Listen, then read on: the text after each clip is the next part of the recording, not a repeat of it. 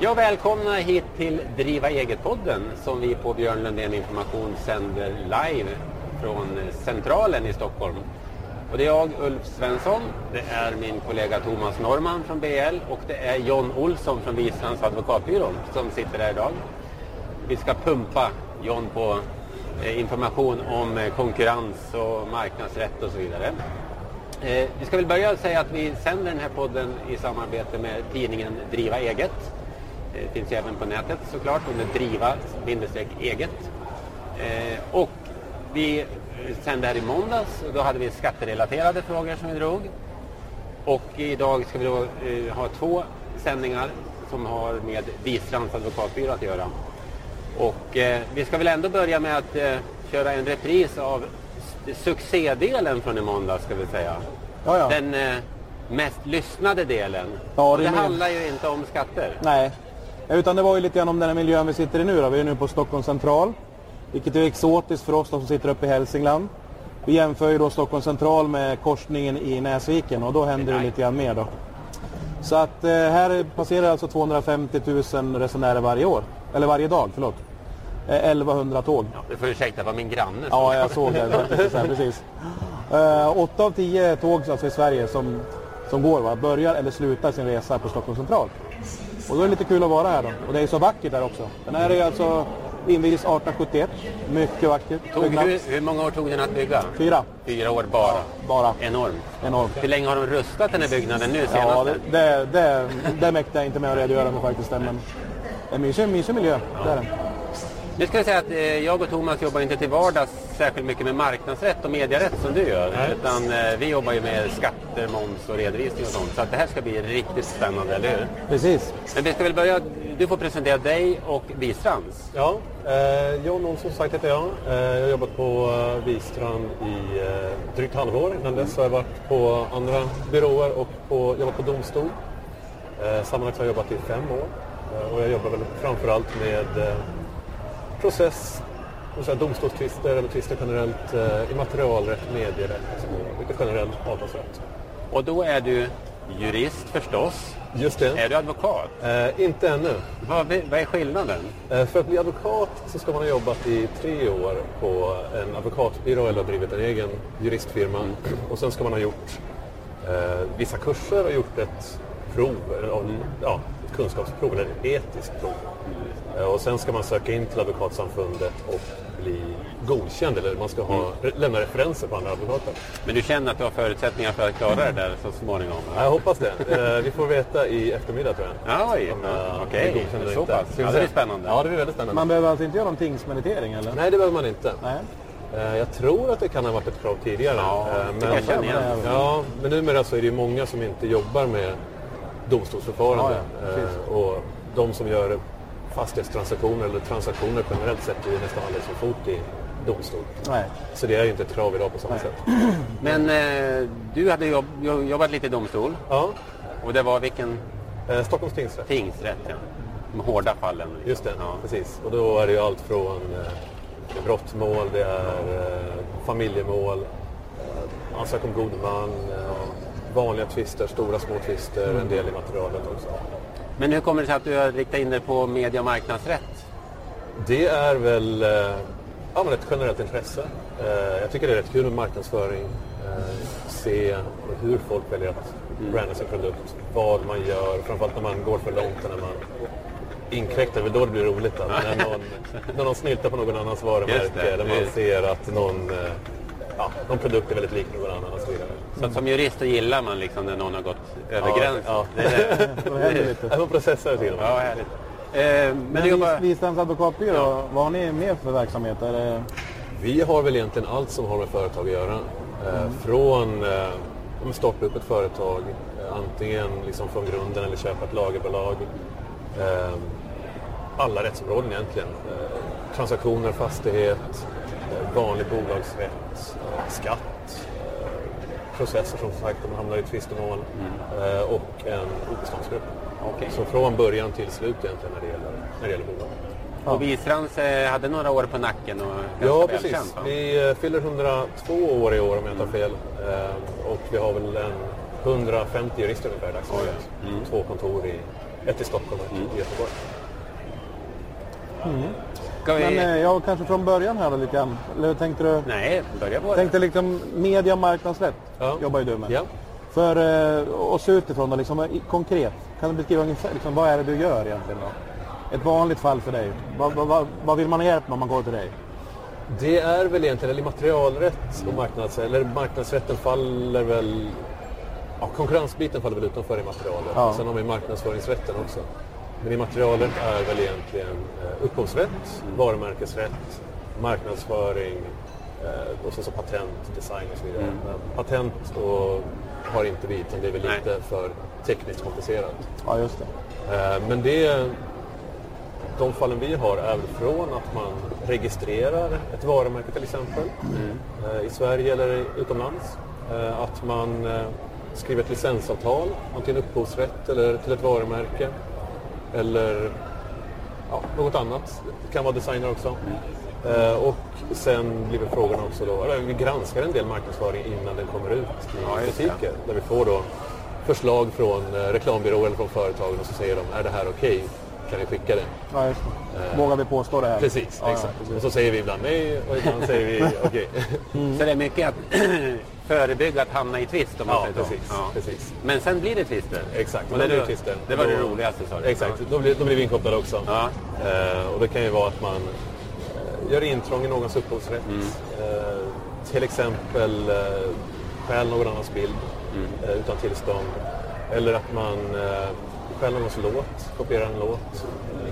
Eh, eller ja, varumärke, gör intrång i varumärke. Ja. Att eh, nyttja bilder som ligger på nätet och så här, det kan alltså vara lite vanskligt.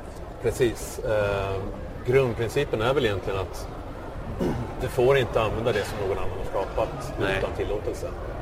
Eh, och det, idag blir det ju ganska enkelt att du hittar en bild som du tycker är snygg. Jag tänker att ja, den här vill jag ha på min Mm. Ja. hemsida. Och så sparar man ner den, laddar upp den eh, och så kör man på och tänker att ja, men, internet är ju fritt att Ja. använda. Ja. Men eh, så länge man inte har ett godkännande eller om det inte finns, det finns ju de här eh, vad heter det, stock photo eh, Ja, just det. sajterna. Att där man köper loss. Precis, Ja. och det finns ju de som är där det tydligt framgår att de är fria att använda. Men har man inte tydligt svart på vitt så ska man vara försiktig.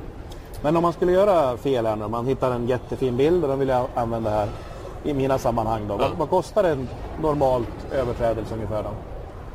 Det- Ser man det liksom i spridning eller ser man det, hur bedömer man skadan som har uppstått? Ja, precis. Man ser väl eh, dels till hur många gånger har man kopierat den här bilden. Ja. Så har man då en bok till exempel och ger ut i flera hundratusen exemplar. Och då blir det en större skada än om jag har eh, ja, använt någonting bara inne på mitt eget företag Ja. till exempel. Eh, Så det är spridningen, det är mängden exemplarframställningar, kopieringar. Eh, Och det är väl den grund, eh, grundidén. Alltså så kan det väl tillkomma skada då. Om jag tar en bild som hade kunnat säljas väldigt dyrt. Ja. Om man tar till exempel ett, jag vet inte vad man ska ta för exempel, men eh, någon jättebra sportbild till exempel. Ja. Eh, Och så kopierar jag den och gör den, jag sprider den till alla istället för att fotografen får en chans till det. Då kan ju han säga, jag har gått miste om intäkter för att jag hade kunnat tjäna pengar på den här bilden. ja, just det. Så då blir ju skadestånd aktuellt också. Ja. Eh, Men ja, det kan väl kosta från eh, ett gäng hundralappar och uppåt egentligen. Uppåt. Ja, uppåt. Ja. Eh, Jag vet inte vad de... Kan det bli just- miljoner? Ja, Liksom? precis. Just bilder vet jag inte. Men vi har Nej. ju Pirate Bay till exempel. Ja, där grundarna där dömdes till medhjälp till upphovsrättsbrott. Och de fick Ja, ju miljonskadestånd för... Hur många fall hamnar i domstol då? Eller sköter man det förhandlingsvägen oftast? Eller? Oftast så sköter man väl det nog, eller har man en, om man själv märker att man har en bild som har blivit kopierad så är väl standardförfarandet att man skickar ett brev eller mail till den som begår intrånget eh, och säger till dem att sluta. Eh, och är de vettiga så gör de ju det. Ja. Eh, och då kanske man ska nöja sig med det. Eh, och då kan man väl, skulle kunna kräva en skälig ersättning för utnyttjandet. Ja, ja. Eh, jag skulle säga att det är väl nog, eh, tror jag, det, det enklaste eller det vanligaste som händer att man nöjer sig med att bilden försvinner och intrånget slutar. Precis. För problemet blir ju att ska man ta det till domstolen, men då, det kostar pengar, det kostar tid. Och det är väl inte alltid man kan få ut så mycket i ersättning så att det faktiskt blir värt det. Om man säger något närliggande att man eh, renommésnyltar eller Ja. att man eh, kanske säger något ofördelaktigt om en konkurrent eller så. Ja. Eh, jag antar att det hamnar, hamnar väl heller inte så ofta i domstol. Eh, Nej, jag tror, jag tror det är samma sak där. Ja. Att, eh, de som är vettiga motparter, eller parter, de eh, i och för sig kanske inte gör det överhuvudtaget. Utan de vet vad man får och inte får göra. Eh, men många blir väl skrämda, framförallt om det är en advokatbyrå som hör av sig Ja, precis. sluta... så det kan vara värt att anlita er bara därför, liksom, att skrämmas. Ja, Ja. ja. Men om vi säger, eh, grund- vad, vad, inne, vad går gränsen för renommésnyltning? Eller vad får man säga om en konkurrent? Grundprincipen i marknadsföring är egentligen att allting som du säger ska vara sant och du ska ha stöd för det. Jaha. Eh, Att säga till exempel att vi Björn Undén är den bästa podcasten.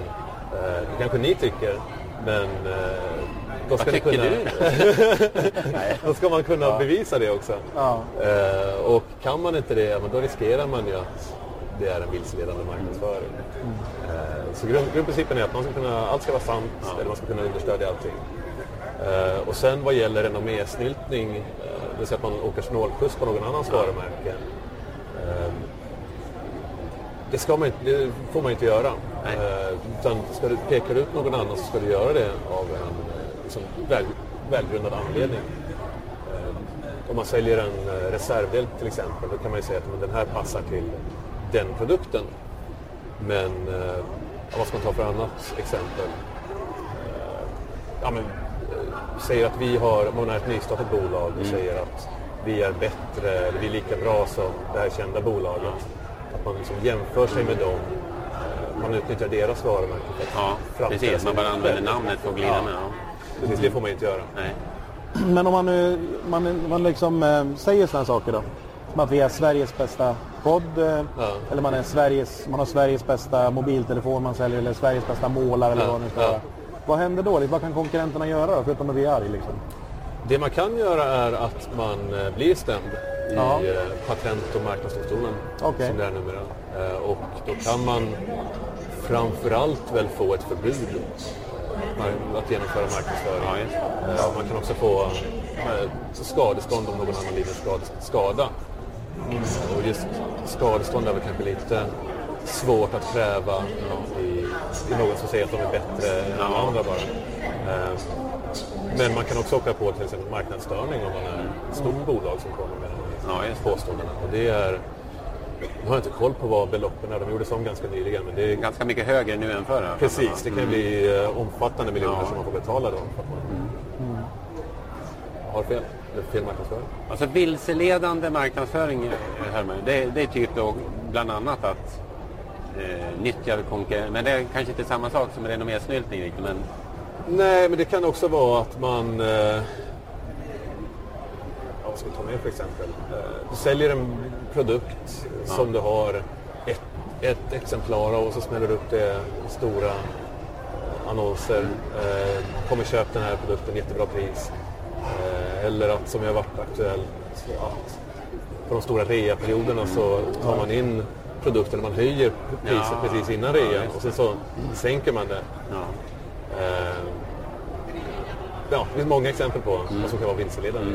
Men vad kan hända då? Det är ju klassiskt, det hävdar ju många att många kedjor inför de här arenorna, det finns så långt draget räcker, det finns en eller två liksom, Ja. av en jättedyr och fin TV. Då. Men vad kan hända då? Om man kör den här reklamkampanjen, folk köar dit, liksom, vem tar det vidare? Det måste ju vara privatpersonerna eller konkurrenterna som tycker att det här är fel och, och drar. Privatpersoner brukar väl oftast göra så att de anmäler det till konsumentombudsmannen. precis. eh, och är det någon eh, som tillräckligt ofta eller tillräckligt allvarligt trä, överträder lagen, då kliver ju konsumentombudsmannen in och Ja. stämmer. Okej. Men annars är det vanligaste konkurrenter. Ja. Eh, Även om det inte är särskilt vanligt egentligen för att som sagt, det kostar massa pengar, det tar tid och Ja. det kanske inte är värt det i slutändan. Så på något vis känns det som att det, man ska ju vara försiktig Ja. men det, det kanske inte är så ofta det händer något dramatiskt.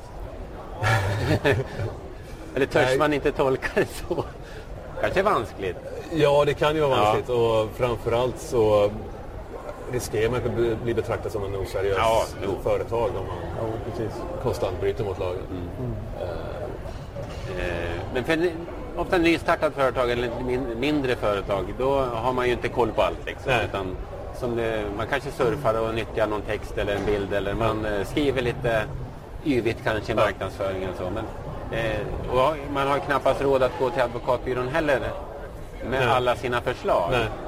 Så hur ska man göra? Var, var kan man hitta information på ett bra sätt, tycker du? Ehm, Så mycket kan man ju hitta genom att bara googla.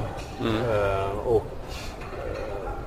det finns ju diverse rådgivningssidor Ja. som där studenter till exempel svarar gratis på, på Ja, frågor. Mm. Eh, och där kan man ofta hitta med någon grundläggande ingång och så kan man leta sig vidare Mm. och man får ett förslag på lag. Många branschorganisationer har ju Mm.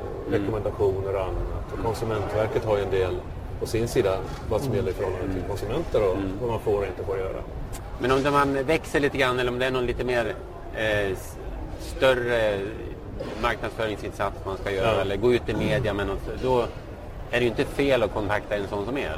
Nej, absolut kanske inte. var värt de tusenlapparna. Precis. Det är, och generellt om man skriver avtal om större summor pengar så det, absolut, det kan tyckas att det är dyrt med, med advokater eller en jurist. Men ser man också till hur mycket det här handlar om och vad kan gå snett om det inte går vägen. Ja.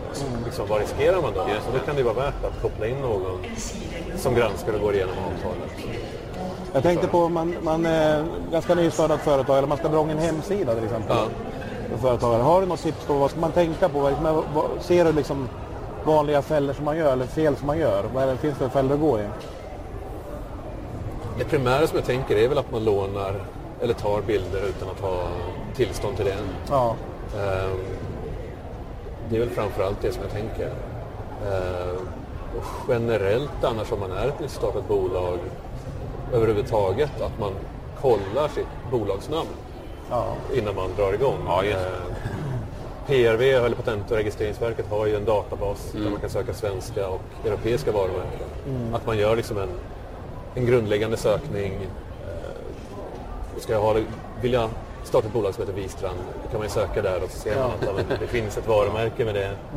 Eh, och så då, det händer ju att folk, eller att bolag byter namn eller startar namn utan att man har tänkt på det här. Så visar det sig att ja, det var inte så bra för det finns Nej. ett liknande redan. Eller den här domänen är tagen redan till exempel.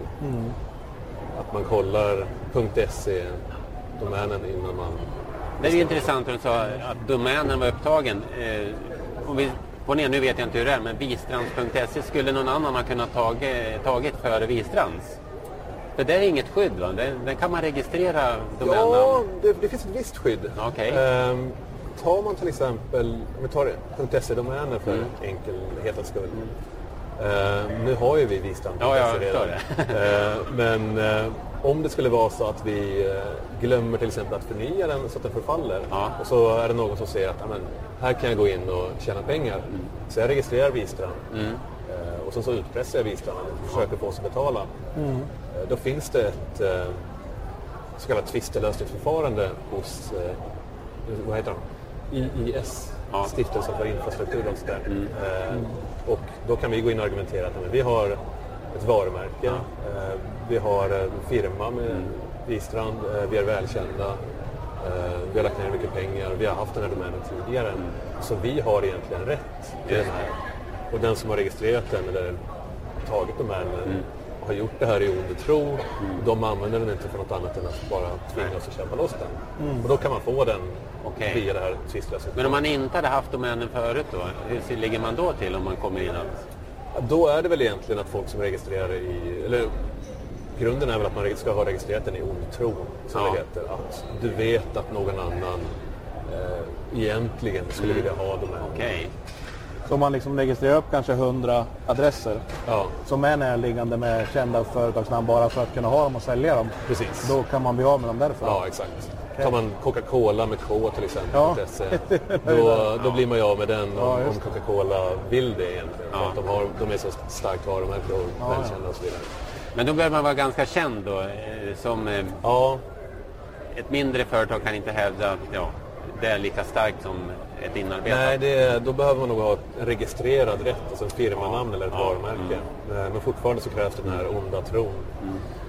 Eh, Och att eh, starta ett bolag där man vet att domänen är tagen och den används till en privat hemsida eller en blogg eller något sånt.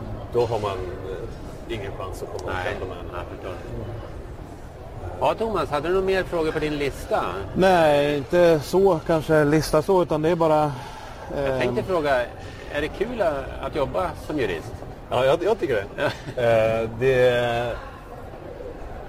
Man kanske tänker att det är tråkigt, mycket Ja, man tänker ju lätt så, Och men- mycket liksom, man sitter i lagboken Ja. och slår på sidorna och läser tråkiga paragrafer. Men i media marknadsrätt, då är det ju affärslivet liksom. Då Ja. är det ju praktiskt. Precis. Ja. Och det är ju egentligen... Eh, alla hittar väl, de som jobbar med juridik och Ja. Mm. tycker det är kul och har väl hittat sin bit inom juridiken.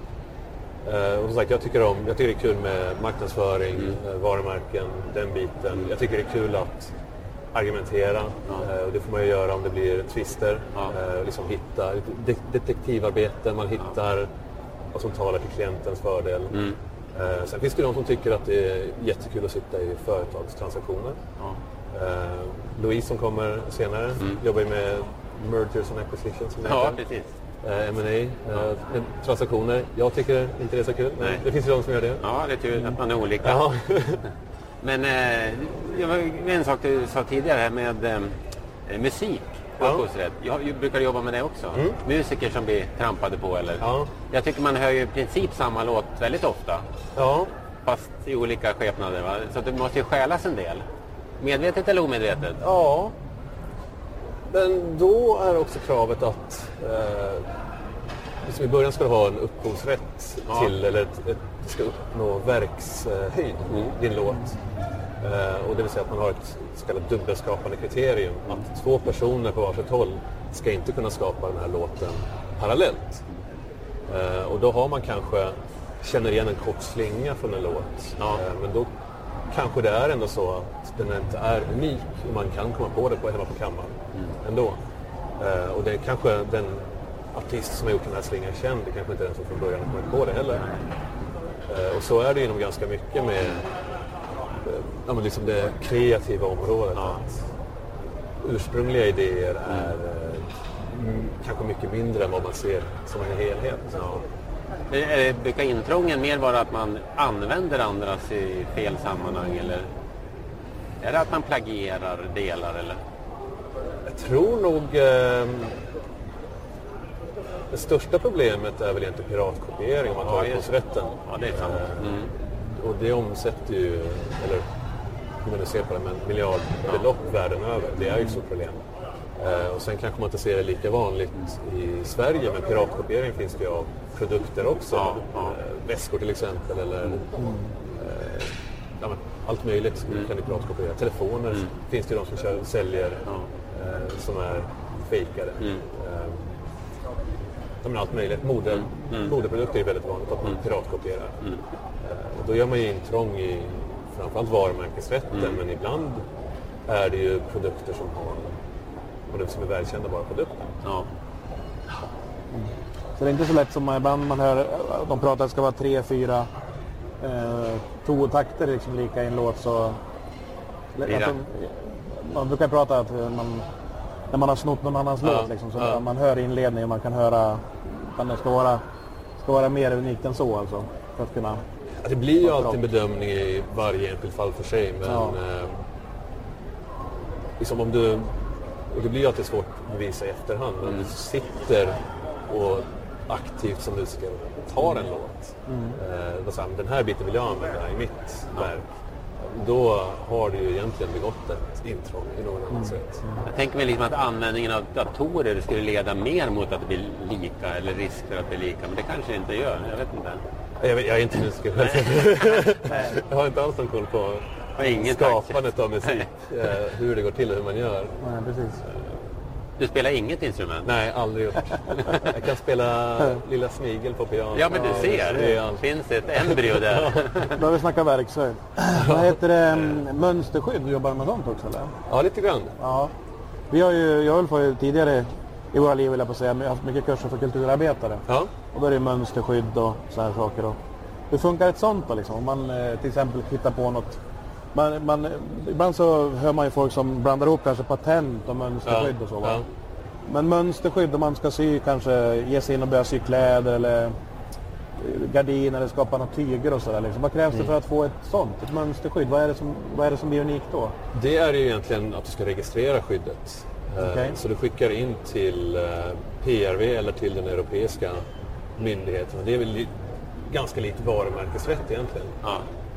Att ja, men du skickar in en skiss helt enkelt på det du har designat. Ja. Eh, och Det enkla liksom, exemplet kan ju vara en telefon till exempel. Du har iPhone som ser ut på ett visst sätt, med rundare hörn med liksom en liten tryckknapp. Och då skickar du in en rå figur på den, registrerar den och så, så därigenom får du ett skydd. Eh, sen kan du få en skydd för en produkt genom att du blir välkänd också, utan att registrera den. Ja, ja. Eh, Och det är väl egentligen samma sak för varumärken där också. Att snabba, enkla sättet, du registrerar på det mm. varumärket. Men gör du inte det så kan den få skydd genom att göra det, marknadsföra det tillräckligt mycket. Okej. Eh, Och där är ju kexchoklad till exempel ett bra exempel för Cloetta. Eh, Att de fick ju från början inte registrera det för att det är beskrivande för kexchoklad. Kexchoklad är kexchoklad. Eh, Men då har de ju marknadsfört, eh, det har funnits länge, de har marknadsfört det jättehårt och alla vet liksom nu att kexchoklad är Cloettas Precis. chokladbit. Och då när de visar det med marknadsundersökningar och annat, men då är de helt plötsligt inte generiska utan eh, specifika för Cloetta och då kan man registrera det. Eh, Och tar man sen patent och som, som du nämnde så är det en teknisk lösning på en, ett problem eh, som du skickar in och då har du en lång spes med ritningar och det är små Ja. snirkliga förklaringar och du beskriver problemet, beskriver hur du löser det och så vidare. Så det är ju också en registreringsrättighet som det gör. Så när man ska söka patent och varumärkesskydd eller eh, mönsterskydd, Ja. det, då torde det vara ganska bra att vända sig till någon som kan det- det där. Ja, eh, framförallt om man ska ha lite mer, större skydd eller många varumärken. Eh, men är man ett litet bolag så kan man eh, också registrera sin egna logga. Ja. Eh, och PRV tror jag det kostar 2000 att registrera i en klass som det Ja, heter. Och då ska man ju, varumärken är indelade i 45 klasser för varor och tjänster. Då ska man i ansökan spesa vad vill jag använda det här varumärket Mm. för. Eh, Men det kan man nog nästan göra som ja, egenföretagare också. Och det kan vara en bra investering Mm. i, om man tänker sig att komma och sprida sig stort i Sverige. Jag tänker på Håkan Lands affären med... Ja, Det är inte enkelt att skydda sig om Nej, precis. någon större vill klampa in om man säger. Exakt. Och framförallt patent eh, behöver nog nästan garanterat en patentbyrå. Ja. Men ett sånt där skydd av varumärke och så här, om man då vänder sig som du säger då, till Patentverket här och eh, men gäller det då i Sverige eller väljer man vilka områden det ska gälla i världen eller blir det ett internationellt skydd direkt eller? Ja, du väljer, eh, det beror på var och hur du registrerar. Eh, Och ska du bara finnas i Sverige så är det lättaste kanske att söka skydd i Sverige hos Patent och registreringsverket. Ska det finnas runt om i Europa eller i EU, då finns det en europeisk myndighet. Då kostar det en börjar väl från 8000 kronor och uppåt för ett skydd. Men då har du helt plötsligt, går du igenom där så har du skydd i hela EU direkt. Eh, lika, då får du lika bra skydd som i Sverige som för en svensk ansökan. Ja, det. Men du får liksom då i, hela EU direkt. Så då är det lika bra att gå dit om man liksom vill ha ett Precis, europeiskt skydd. precis. Om man tänker att man ska finnas i tre, fyra länder, då blir det billigare omedelbart än att söka i dem individuellt. Och sen då är det samma sak att vända det till USA om du vill sälja där och Kanada och Precis, då har Varje land i Asien, Ja, exakt. Eh, USA har ju ett, eh, USA och Kanada tror jag har ett lite annorlunda system än vad vi har. Eh, jag har aldrig Nej. själv sökt det. Utan Nej, när, vi, när, vi, när vi kommer och frågar om att registrera i Ja. USA, då kontaktar vi en amerikansk advokatbyrå och tar hjälp av dem. Ja, förstår det. Eh, Men jag vet att Afrika har ett liknande som EU. Jag tror att Asien har också något sånt här... eh, Ja, det känns ju så jobbigt om man ska få ett världsskydd liksom, om det finns nationella myndigheter. Ja. Och det, vill man ha hela världen då eh, kan man göra så att man söker i Sverige eller i Europa och sen så går man till den internationella varumärkes... eller internationella immaterialrättsorganisationen, WIPO Ja. som de heter. Och då använder man den svenska ansökan som bas Okej. och så går man till dem och säger att jag vill söka i de här länderna. Och så är det liksom ett enkelt klickförfarande nästan. Och så skickar de ut ansökningar och så går de igenom. Så det är ju det enkla sättet om man ska söka. ja, Många länder. Ja, precis. Ja, precis. Ja. Okej. Så vill man nå ut till många så går man genom WIPO. Ja, enklast. Ja, Thomas. Ja, nej, det är Ja, vi- mycket utan det är om... Hållit på ganska länge här. Ja, precis. Det är om du har något mer insticka eller... Nej, eller det, jag Som kan du tycker vi borde fråga om liksom. Jag tror borde vi ha det. frågat dig Ja. om det. Jag tror vi har gått igenom allting Ja, inom ja, materialrätten. Och jag frågade dig om din ålder, men det gjorde jag före. Så det behöver du inte säga här och nu. Nej, men... Eh, ja, vi kan väl runda av kanske. det tycker vi jag. ska ju prata med din kollega senare i en annan poddsändning en Det vi kan säga är att om man nu är en startup eller håller på att starta eget och har Ja. någon unik idé så har vi på Vistrand ett eh, pris för eh, nystartade bolag, en tävling eh, som heter Vistrand Startup Star. Eh, då kan man då söka in med sitt företag eller sin idé. Eh, och ikväll kommer vi ha en prisutdelning för årets vinnare, eller vi kommer annonsera årets vinnare. Eh, och det man vinner är då men juridiska tjänster helt enkelt. Okej, så Bistrand Startup Star. Precis. Ikväll på... Eh, Jag tror man hittar det på vår hemsida. Hemsidan. men Jag jag tänkte bara, var det precis. Eh, Men där kommer nästa gång, omgång dra igång i oktober. Så Ja, men det är spännande. Det är ett bra tips. Ja, Och juridiska tjänster är ju inte gratis, så det blir ett bra pris. Ja, precis. Det blir några timmar man får. Ja. Ja, kul. Ja, men perfekt. Ja, men eh, då får vi tacka för oss Anna. Ja, Tack stort tack. Det var jättekul. Så gör vi en ny poddsändning som startar klockan ett med din kollega och pratar eh, associationsrätt och mergers and acquisitions och sådär. Spännande. Tack för oss. Ja, tack, tack. Tackar.